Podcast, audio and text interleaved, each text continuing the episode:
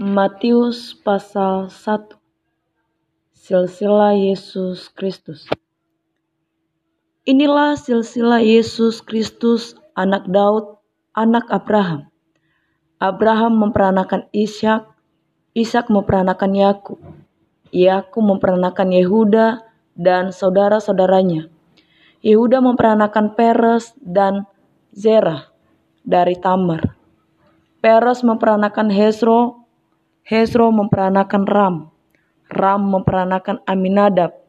Aminadab memperanakan Nahason. Nahason memperanakan Salmon. Salmon memperanakan Boas dari Rahab. Boas memperanakan Obed dari Rut.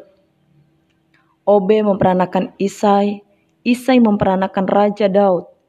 Daud memperanakan Salomo dari istri Uriah.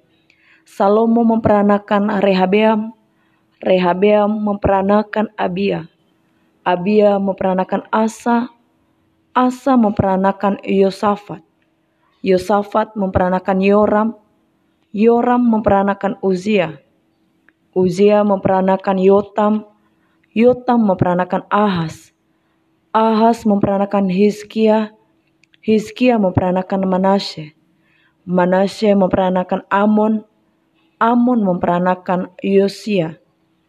Yosia memperanakan Yehoya dan saudara-saudaranya pada waktu pembuangan ke Babel. Sesudah pembuangan ke Babel, Yehoya memperanakan Sealtiel. Sealtiel memperanakan Zerubabel. Zerubabel memperanakan Abihud. Abihud memperanakan Eliakim. Eliakim memperanakan Azor. Azor memperanakan Zadok. Zadok memperanakan Ahim. Ahim memperanakan Eliud. Eliud memperanakan Eleazar. Eleazar memperanakan Matan. Matan memperanakan Yakub. Yakub memperanakan Yusuf, suami Maria, yang melahirkan Yesus yang disebut Kristus. Jadi seluruhnya ada 14 keturunan dari Abraham sampai Daud. 14 keturunan dari Daud sampai pembuangan ke Babel dan 14 keturunan dari pembuangan ke Babel sampai Kristus. Kelahiran Yesus Kristus.